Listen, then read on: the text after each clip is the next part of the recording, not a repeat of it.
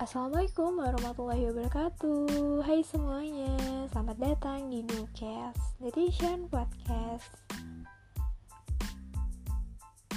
Kali ini Newcast akan membahas suatu hal yang sangat menarik nih teman-teman. Yaitu tentang kurus tapi buncit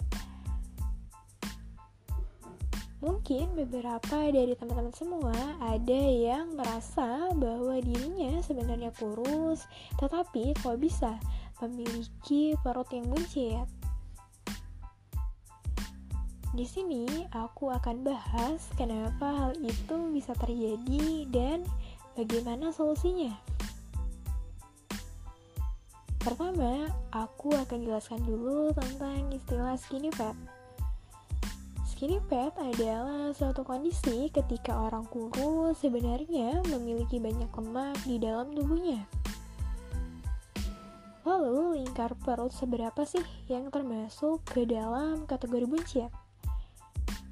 Jadi, untuk laki-laki, lingkar perut di atas 90 cm masuk ke dalam kategori buncit, dan untuk wanita, lingkar perut di atas 80 cm juga udah termasuk ke dalam kategori buncit. Dan aku akan jelaskan kalau di dalam tubuh kita itu ada dua jenis lemak nih teman-teman yaitu lemak subkutan dan lemak visceral. Lemak subkutan adalah lemak yang terletak di bawah lapisan kulit dan yang biasa kita cubit di bagian tubuh kita itu adalah lemak subkutan.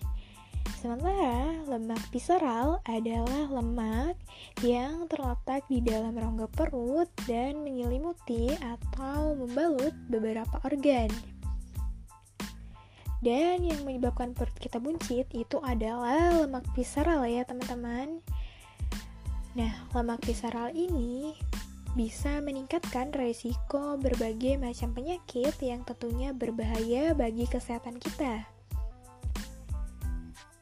Nah, perut buncit ini sangat berbahaya loh teman-teman bagi kesehatan kita.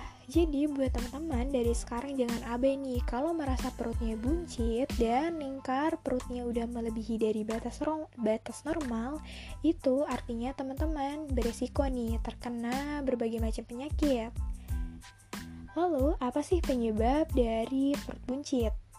Nah, yang pertama bisa jadi karena makanan yang teman-teman konsumsi. Nah, makanan yang teman konsum teman-teman konsumsi adalah makanan yang mengandung banyak lemak dan makanan manis atau tinggi gula. Bisa juga disebabkan karena faktor genetik. Dan ternyata tidur yang kurang juga nih meningkatkan lemak visceral di dalam tubuh kita.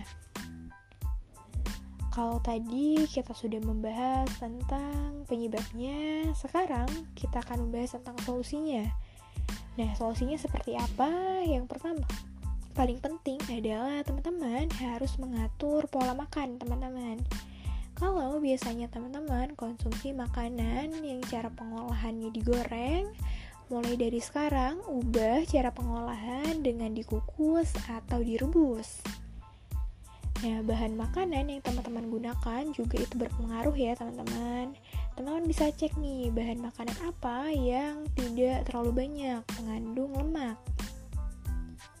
Lalu, tidur yang cukup. Mulai dari sekarang, teman-teman atur jam tidur teman-teman supaya tidurnya cukup dan tidak akan meningkatkan lemak visceral di dalam tubuh teman-teman.